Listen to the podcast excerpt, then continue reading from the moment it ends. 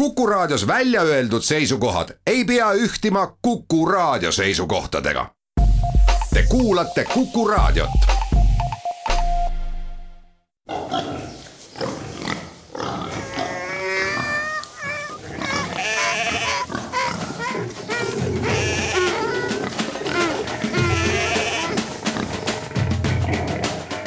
loomult loom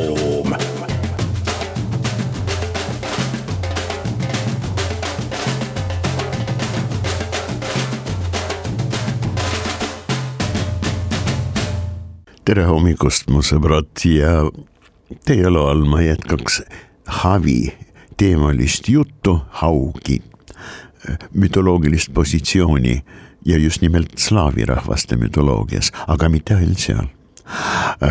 vot sedalaadi teemat käsitlemist, kuna see on väga huvitav ja kui tõtt-öelda ma avastasin kui mind paluti just nimelt slaavi rahvast noh, mütoloogia seisukohalt või konteksti poolest rääkida natukene loomadest, ma avastasin, et ma olen üüratult palju noh, vähemalt sellise noh, praktiliselt poole amatööri, vähemalt mis filoloogiasse puutub, eks ole. Kohta üüratult palju tegelenud Hiina, loomulikult Egiptuse, aga Hiina, hinduismi, Mesoameerika, Maiad, Aztekid, Toltekid, Olmekid ja loomulikult Inka, Quechuad ja ka Germaani mütoloogiatega, aga no vot nendega, mis on siinsamas nii-öelda mis on tegelikult kõige tihedamini seotud, ütleme, minu enda elu kontekstiga. ehk siis äh, soome-ugri rahvaste ja ka loomulikult slaavi rahvaste äh, mütoloogiatega olen suhteliselt vähe tegelenud. nii et ma tegin enda jaoks palju avastusi äh, ja loomulikult meie vanemuine kes on siis Kalevipoja noh, eepose, Kreutzwaldi surematu teose ähm, tähtis tegelane, aga suhteliselt vähe mainitud siiski, võrreldes sellega, kui tähtis jumalus on Väinämäinen äh, tõesti Soome, Karjala ja paljude teiste rahvaste. Aga noh, peamiselt ikkagi Soome ja Karjala loomulikult jah. mütoloogiates ta on ju demiurg, ta on maailmalooja, ta tõi inimkonnale maa peale merest, kalast, lõhekalast, tulikalast, tuli, tuli sealt, eks ole, Väinämäinen tõi seda. Ja ta on kõikides maailmates käinud ja Pohjalas loomulikult ja Tuonelas oli käinud ja vägevad on need müüdid. Just nimelt Väinämeinenist. nädal aega tagasi jättes teiega sõbrad hüvasti, ma mainisin, noh hästi kähku kiiresti nii-öelda jah, jutu lõpuks, et tohutu suur haug. Vot see tegelane on tõepoolest kuidagi väga muljetavaldav. Ja mitte ainult äh, Ugri-Soome. no tähendab, ma ei tea, kuidas ugridega lood on, madjöritega, eks ole, kuidas ungarlastel haugiga äh, mütoloogilised sellised nagu suhted on äh, olnud, aga nad on kindlasti ka olnud ja mitte vähetähtsad kuid noh, ei ole nii rõhutatult tähtis on see tegelane kui just nimelt Soome-Karjala. aga muidugi ka Eesti. no vot, müütide, mütoloogiate eri tasandi, loomulikult eri aegade mütoloogiatest on alati olnud, alati on olnud, nii et tohutu suur haug neelas Väinämeineni alla tema aga pääses välja äh, sellest hirmsast kalast, tegelikult ta tappis selle haugi ja selle tohutu suures, seda on väga kindlalt rõhutatud tekstis nii-öelda, kontekstis ütleme nii. see äh, on mitmes kohas rõhutatud Kalevala ja, ja Kalevalaga seotud ähm, teostes. et äh, see oli väga suur haug ja just nimelt väga suure haugi selgroost tegi Väinämöinen äh, oma kannel. noh, kuidas algab Kalevipoeg, anna mulle kannel. Väinämöinen, jah, okei okay., Vanemuine. sealt on mainitud loomulikult, kannel on mainitud ka, no ja see on enam-vähem kõik, no mitte päriselt loomulikult on mainitud veel õige mitmes kohas. kuid äh, jah, vot see Äh, märgiline ja ilmselt äärmiselt tähtis. täiesti võimalik, kui ma nüüd saan asjast õigesti aru, ähm, ka Väinämäeni kui maailma meisterdaja, demiurgi ähm, nii-öelda tegevuse ja funktsioonide juures on väga tähtis äh, kannel ehk siis kandele äh, kui maailma organiseerimise, korrastamise muusikaline, vot selline maagiline instrument. haug, ülitähtis tegelane, tõepoolest huvitav. vaadake, Kalevalas Väinämeinenil, loomulikult see on ka kindlalt mainitud, kindlalt kaasatud ka Kalevalas on antagonist, vastand, kangelaslik ja väga-väga suurte võimetega. see on Joukahainen, tuleb meelde. Nad on antagonistid. Joukahainen, noorem mees äh,, tublisti noorem kui Väinäminen, kes on kuidagi algupäraselt vana, see tähendab väga kogenud, väga tark, väga jõuline, võimas ja peale kõige muud ka elutark. Nad rivaalitsevad ja võidab reeglina Väinämöinen. Rõhutatult noor tegelane, noor mees on Joukahainen. aga ta on trikster eks äh, Väinämeinenil on ka sellise nagu jah, vahest üsna ägedate ja, ja, ja, ja, ja selliste, nagu inglased nimetavad neid practical jokes, jah. Ähm, suhteliselt karmide naljade meistrid äh, on see triksteri võime, kuid äh, Jõugehainen, kuigi ta üritab ka demiurgi tasemel tegutseda, luua asju tal ei õnnestu. ta kukub läbi, ta on äpu, trikster, erinevalt Väinämeinenist ja no näiteks äh, oma paatidega, eks ole, nad ähm, satuvad seal jõe peal kuidagi teineteise vastu, kohtuvad. Ja äh, Jõugehainen noh, noored on entusiastid, hakkab igatepidi takistama Väinämeineni noh, edasiliikumist. Ja rõhutatult on see sätitud tekstis, targem annab järele sellises olukorras ja targem on muidugi Väinämeinen. jah, aga kui maailmas hakkas nagu asju mõjutama hiidhaug. no see koletis. Siis kõigepealt läks temaga sõdima, võitlema Jõugehainen ja äpu nagu ta on, murdis oma mõõka Havi vastu. Väinämeinen aga targalt ja ilmselt taktikaliselt väga, väga pädeval viisil läks haugi sisse. noh, haug mida ta teeb asjadega, ta neelab neid eks ole, Väinamine aga kindlalt oskas olukorda lahendada, nii nagu me praegu rääkisime. kuid äh, mis puutub siia slaavi äh, mütoloogia nii-öelda, aga muidugi puutub.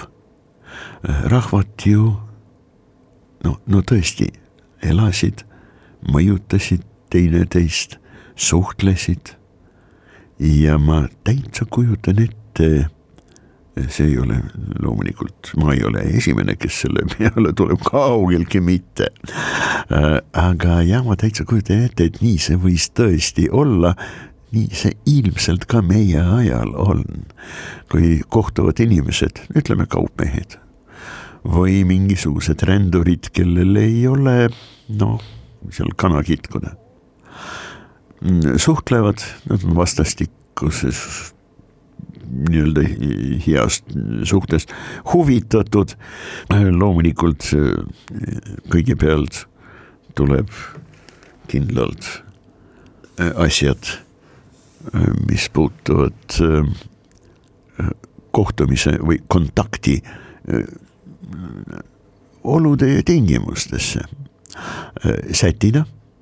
kõik me oleme rahumeelsed ja suhtleme rahumeelselt, me võib-olla kaupleme, me vahetame asju või me teeme lausa midagi koos, eks ole, kuid no esimesel võimalusel, kui on natukenegi muudest muredest, elulistest muredest, elu kaitsmine, eks ole, nälja kustutamine, tule tegemine ja nii edasi. vot kui nendest muredest, ütleme nii, bioloogilistest tarvide rahuldamise vajadustest tekib natukenegi seda üliomapärast ja kõige väärtuslikumat asja, mis päris inimesel meie liigil üldse on, vaba aeg. hakatakse kohe võrdlema ideoloogiateks ma ei tahaks neid nimetada, kuigi see kindlasti oleks enam-vähem pädev mingil määral.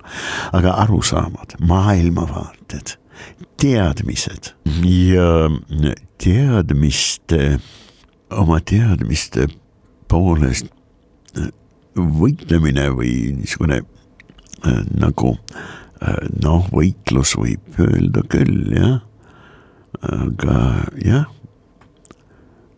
konkureerimine omamoodi on ju nii äh, saagades äh, skandinaavlastel kui ka Iraani äh, alade rahvastel äh, ja väga palju, noh kõikidel praktiliselt inimestel, eks ole, olnud väga-väga äh, suur tähtsus. iidne, aga püha ja traditsiooniliselt no, no, no väga-väga võimas konkurentsi nii-öelda vorm äh, on olnud läbi aegade keltidel, germaani rahvastel, slaavlastel, soome-ugrilastel, kõikidel mõistatuste turniir. ja see on ju teadmiste proovile panek. teadmiste ja loomulikult ka mõtlemisvõime ja mõtlemise kultuuri omapära proovile panek oo jaa, mõistatust turniiril see, kes kaotab, noh, ei suuda anda õiget vastus vastasel poolt esitatud mõistusele. see võis kaotada elu. ega see ei ole võimatu. nii et Väinämöinen ja Joukahainen äh, ka äh, räägivad, laulavad sellest, kui palju keegi nendest teab. ja ma ei mäleta täpselt, kas see oli päris esimene asi, mida Joukahainen äh, oma teadmiste suure nii-öelda kogumi ja kvaliteedi nii-öelda esitamiseks ütles, aga üks esimestest, ma tean, et haug on kala. sellest on natukene vähe, Väinamine teadis palju rohkem aga jah, teeme väikest pausi ja lähme siiski äh, Haugi teemaga võib-olla nüüd tõesti juba äh, slaavi rahvaste mütoloogia poole. loomult loom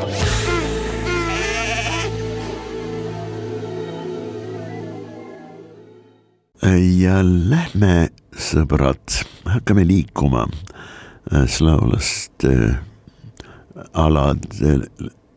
jah, haug on meil just nimelt zoomorfseks klassifikaatoriks ja tähtsaks tegelaseks.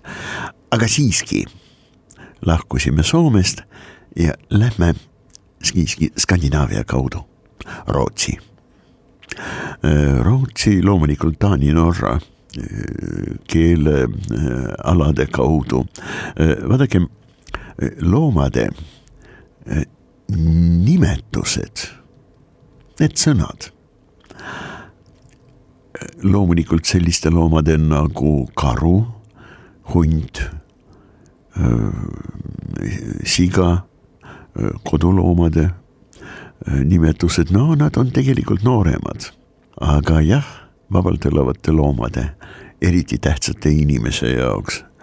loomade, nii imetajate kui ka lindude, aga muidugi võib-olla kõige-kõige enam kalade nimetused on üliürgsed.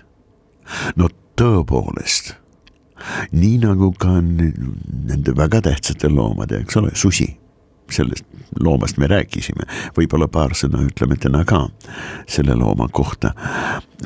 Et nende loomade, tähtsate loomade nimed ja nendega seotud müüdid või mütoloogeemid, jah, müütilised, vot sellised nagu väikesed öö, oma mahult, aga ülitähtsad ja visad nii-öelda mõtte, mõttelise pingestatuse poolest on üliürgsad, võib-olla tõesti Indo-Euroopa rahvaste Äh, keele ühtsuse või keelte ühtsuste äh, ajast peale ja siin tuleb kindlasti võtta arvesse äh, ajad, mille kohta ajaloolased noh, suurt midagi konkreetset öelda ei saa, sest kindlasti, kindlasti see on verbaalse, verbaalse traditsiooni Äh, ajastu, üüratult suur, pikk, äh, ürgne ja suurepäraselt eksisteeriv ka meie ajal. Vot kirjakeel, jah, see on hilisem nähtus igal juhul, kui vot see Indo-Euroopa rahvaste täiesti ühine äh, mütoloogeem hundist kui kangelasest kangelane abiline sealjuures. ja see on tõesti märkimisväärne. no koer on ju kodustatud hunt. nii et ilmselt see on kõige ürgsem äh, hundiga seotud või hundi, hundi äh, mütoloogeem, hund kui kangelaslik abiline. ja vene müütidest vaat seesama Volga või Volh Vseslavjevitš äh, tema sündis huvitava sündmuse tulemusena.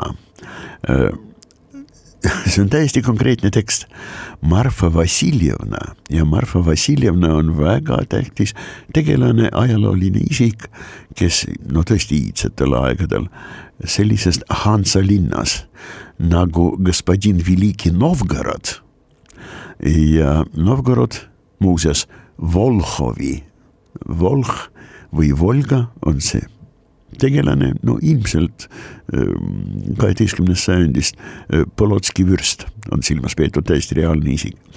aga ähm, mütoloogeem on loomulikult palju-palju äh, iidsema päritoluga.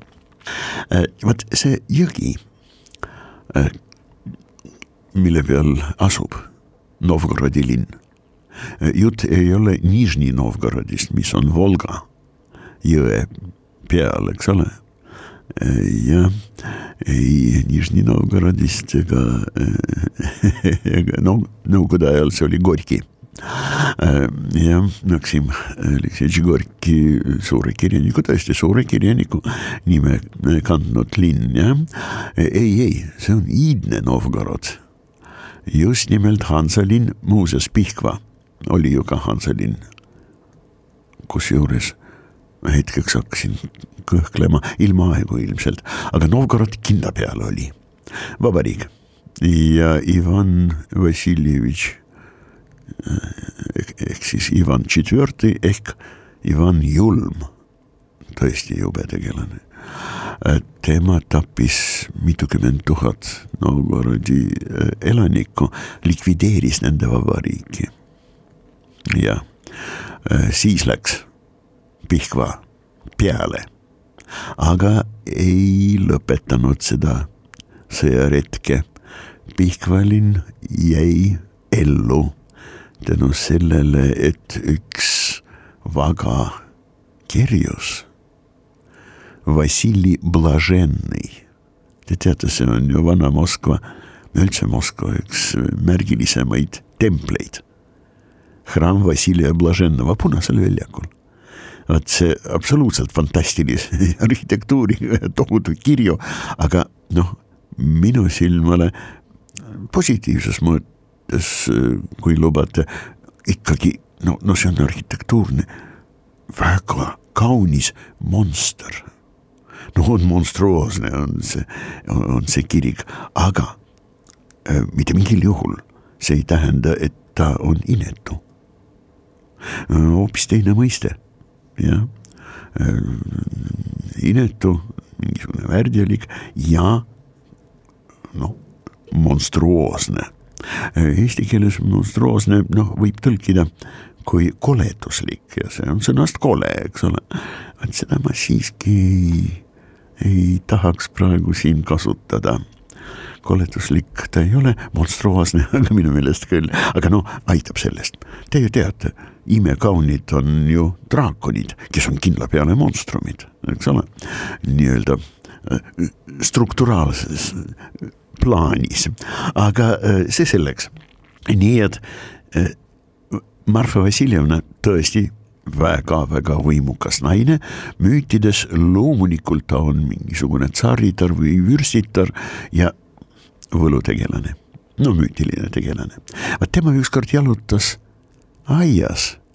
Ja aias tal olid suured kivid nagu meilgi rändrahnud, nii ka Novgorodi kandis on suuri kive ja nad peavad kohal olema, nende kohad kohta on müüte küll ja küll, küll suur tõll, küll Kalevi, Kalevipoeg või mõni, miks mitte Dobrini Nikititš või mõni teine vägilane Vene mütoloogiast või legendidest on neid loopinud või neid loobiti, neid kangelasi ja, ja suuri tegelasi loobiti nende kividega, nemad aga nii võimsad, nagu nad olid, nagu suur tõll, lihtsalt lõid seal peopesaga rändrahnude rahe endast eemale ja nad siis paiknevad nüüd nii, nagu paiknevad, eks ole.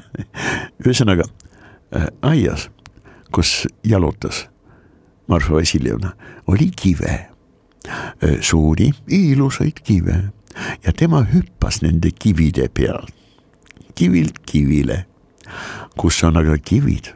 Aias, seal on ka võsa, kõrge rohi.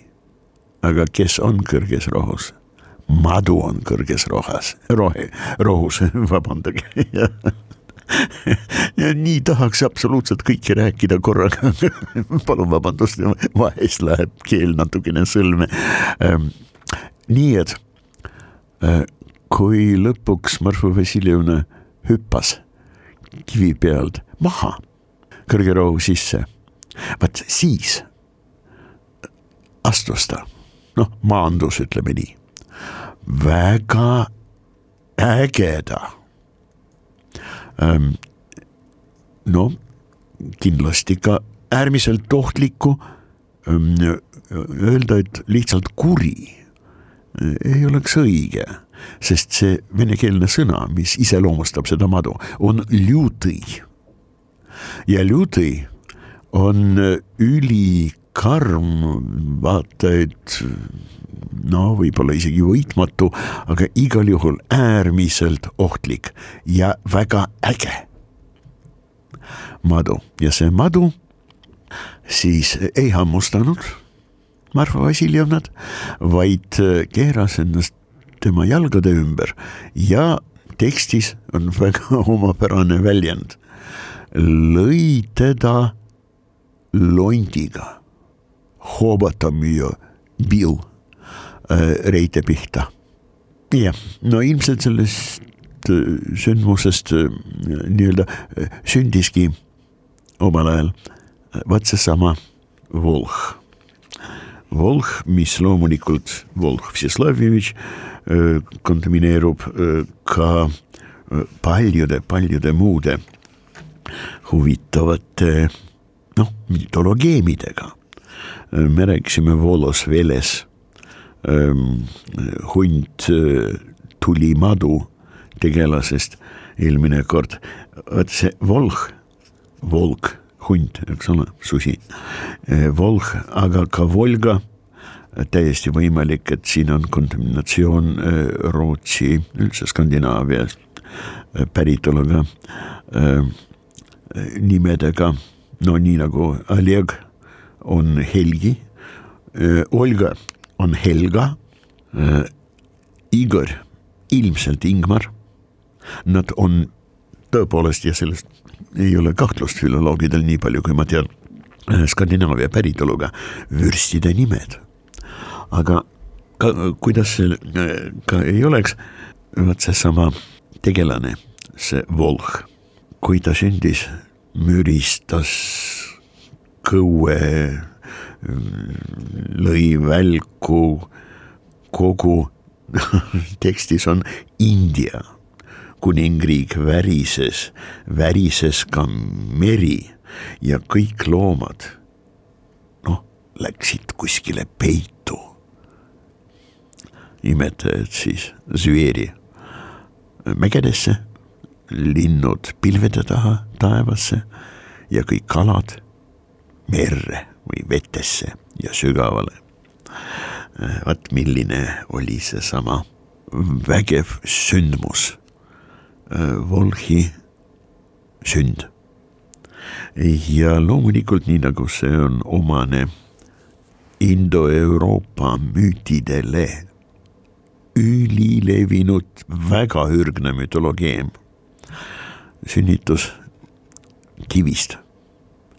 Äh, me tõesti võiksime äh, ju minna korraks Kaukaasiasse.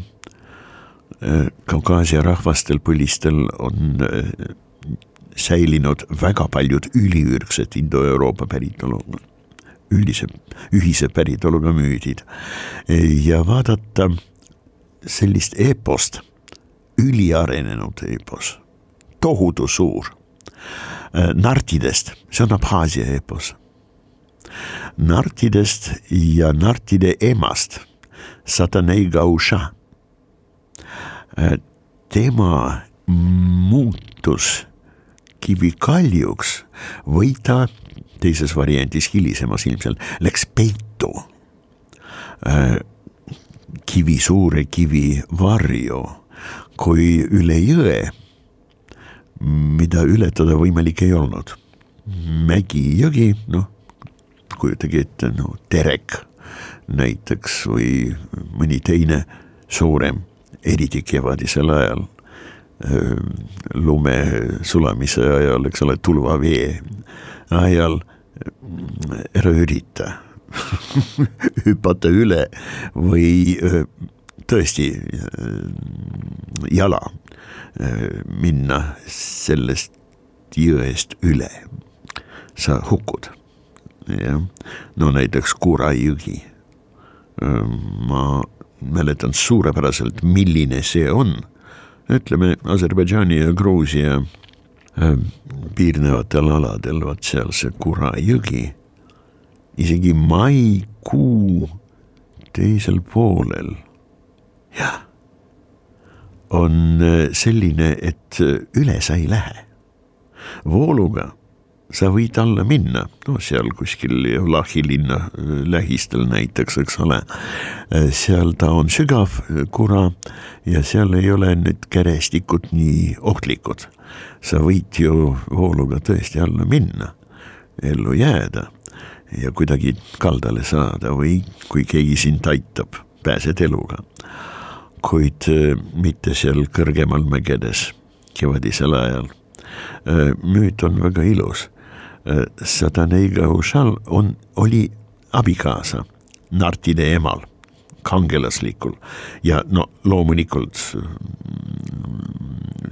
demiurgi võimetega naiskangelannal või lausa peaaegu et jumalusel jah. tal oli abikaasa. Ja see abikaasa oli tema üheksakümne üheksa poja isa aga abikaasa jäi vanaks. oli põdur ja oli kogu aeg majas sakla sees.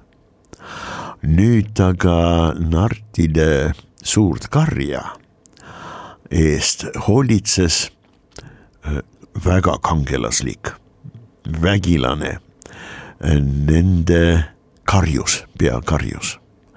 ja vot see peakarjus meeldis Satane Gausale väga. nii et ta tegi kõik selleks, et see karjus teda näeks üle jõe. Äh, naine võttis ennast riidest lahti, läks vette, suples seal, ujus ja siis teisele kaldale tulid jooma nartide lambad ja karjus. ja karjus, nähes imekaunit tema küll ei vananenud. Satanei Gauchat üritas üle selle jõe hüpata ja iga kord jõgi paiskas ta oma kaldale tagasi, sama kalda peale tagasi. siis palus karjus üle jõe see äh, vägilane Satanei Gauchale, et tule kivi juurde mine kivi taha või tule kivi juurde, võta kivist kinni. ja kui naine seda tegi, saatis siis äh, tule noole oma vibust. see karjus, mis lõi kivi sisse ja kivist hoidis kinni satane gauša. jah, tulevane sajanda kõige suurema kõige võimsama ja vägevama Nardi sajanda poja äh, tulevane ema ja kivi peal tekkis tuline punane hõõguv inimese kuju. Äh, Nartide sepp, ka vägilane muidugi, oskuslikult raius välja see kuju kivist ja andis kui see jahtus nüüd. Äh, Satanei Gauchale, kes peitis seda oma nooremat poega vanemate eest. oih, ma hakkasingi nartide nii-öelda äh, tekkelugusid teile rääkima, palun vabandust, aga no vot see, ähm, see mütoloogia äh, neiu kivi või naine kivi, naine ja kivi, see seos on tõesti väga tähtis mütoloogia Indoeuroopa rahvastel. nii et Marfa Vassiljevna hüppas kivist mao peale ja tal sündis vaat seesama meie tegelane, kes oli suur-suur tark. tema tarkusi, maagilisi oskusi ja võimeid tekstis nimetatakse Äh, just nimelt tarkused, mudrasti. aga silmas on kindla peal peetud just nimelt maagilised võimed ja kõige tähtsam tema maagiline võime on võime muutuda kiskjaks loomaks. ta on vürst, kaheteistaastaselt ta loob endale äh, sõjaväge, družina, eks ole, äh, ja hoolitseb oma sõjaväelaste oma sõjasulaste, kes on ühtlasi ka tema sõbrad eest ja hoolitseb väga põhjalikult tänu oma võimele muutuda igasugusteks loomadeks, millisteks peale väikest vaheaega. loomult loom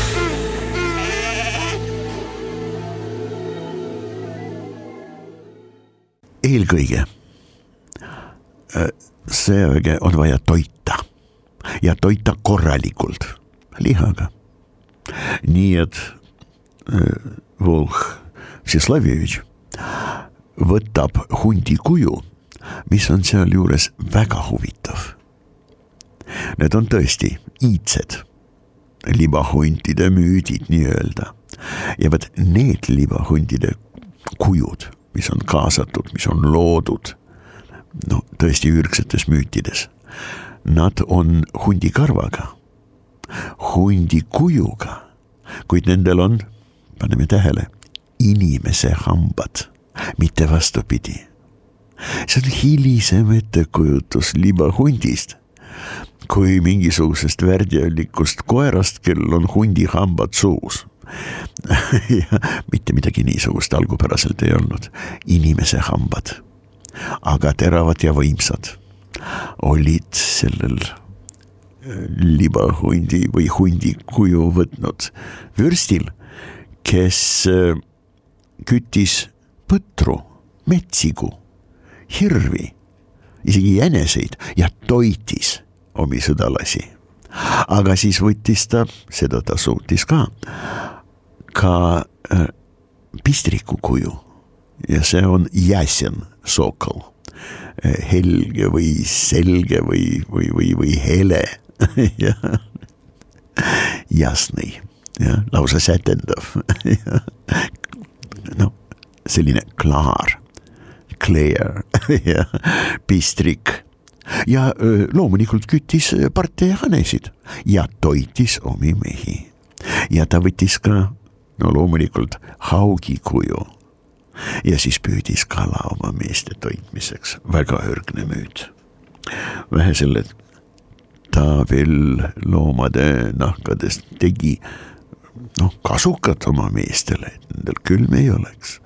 see on vürst, eks ole, aga tal on loomulikult teised suurepärased noh, muutumise võimed näiteks kui tal on vaja luureandmeid hankida öö, oma vaenlase kurja, kurja India kuninga kurjade kavatsuste kohta, siis muutub ta kärbiks. Kärp on väike loom ja kärp noh, nirk, kärb äh, on tõesti väiksemad kiskelised imetajad ja nad tõepoolest käivad igal pool ja loomulikult kodukäijate mütoloogias on kärb olnud väga tähtsaks reaalseks prototüüpseks tegelaseks. nüüd aga Volh võtab kärbi kuju ja salaja käib siis äh, kurja India kuninga palees, saab teada tema kurjadest kavatsustest ja kärbina, salaja läheb siis äh, arsenali ja närib läbi vibunööre, nööri. kõik vibunöörid said siis äh, rikutud, äh, relvad kahjutuks tehtud. peale selle närib ta ka rihmad sadulate rihmad ja loomulikult jalatiste rihmad ja nii edasi. Ja turvise kinnitusrihmad närib ta läbi.